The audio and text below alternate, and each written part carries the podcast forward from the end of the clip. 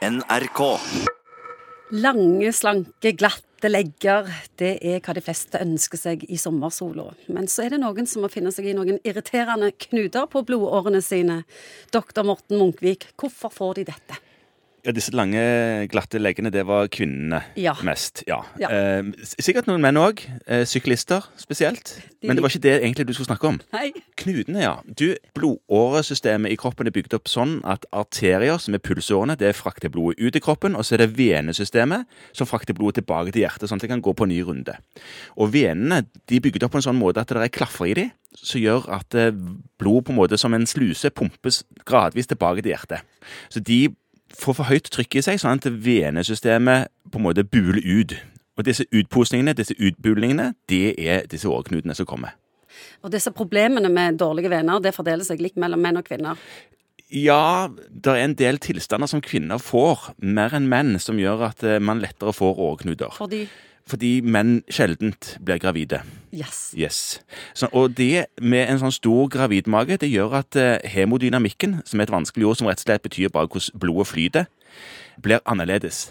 Sånn at blod lettere blir værende i blodårene i beinene, og ikke så lett kommer tilbake igjen til hjertet pga. magens størrelse. Dere leger dere behandler fire ganger mer kvinner enn menn. Det stemmer helt sikkert. Og en annen årsak, i tillegg til at det er nok flere kvinner som får det, så er det nok når de først får det, så er det mer kvinner som klager på det. Litt tilbake til det du sa med disse lange, slanke beinene. Menn kan òg selvfølgelig få kosmetisk skjemmende åreknuter som til og med kan begynne å blø og klø. Og da kommer jo de òg til legen. Å ha store problemer med åreknuter, hvordan føles det? Det kan føles sånn at beina føles tunge. Man begynner å klø, særlig over de plassene hvor du har disse knudrete årene.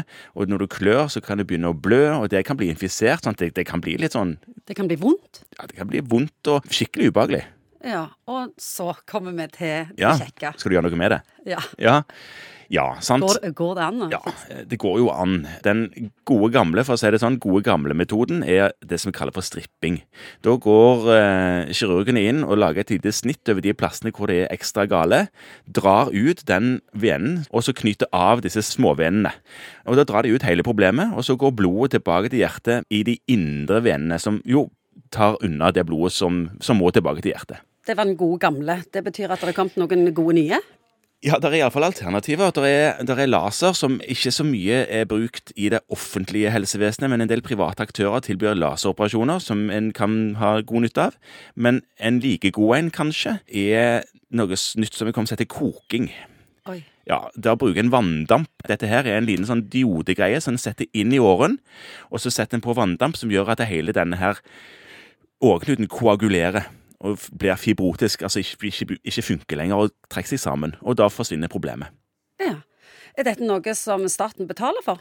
I enkelte tilfeller, hvis vi får de problemene som vi snakket om, med vonde, tunge bein med infiserte sår og sånne ting, så kan dette bli noe du kan henvise til sykehuset for å få gjort, ja. Hvor på kroppen er det vanligst? Vi snakker beina, men kan du få åreknuter på ryggen eller på armen? En annen plass man kan få åreknuter, er i eh, analåpningen. Da Oi. kalles det jo hemoroider. Ja. Ja. Og en annen plass som man kan få det, er i spiserøret. Og det er folk som får leverproblemer og sånne ting. De kan få åreknuter i spiserørene. Hvis de brister, så kan man eh, gå hen og blø så mye at man dør på seg. Oi, det vil vi ikke ha. Minst mulig av det.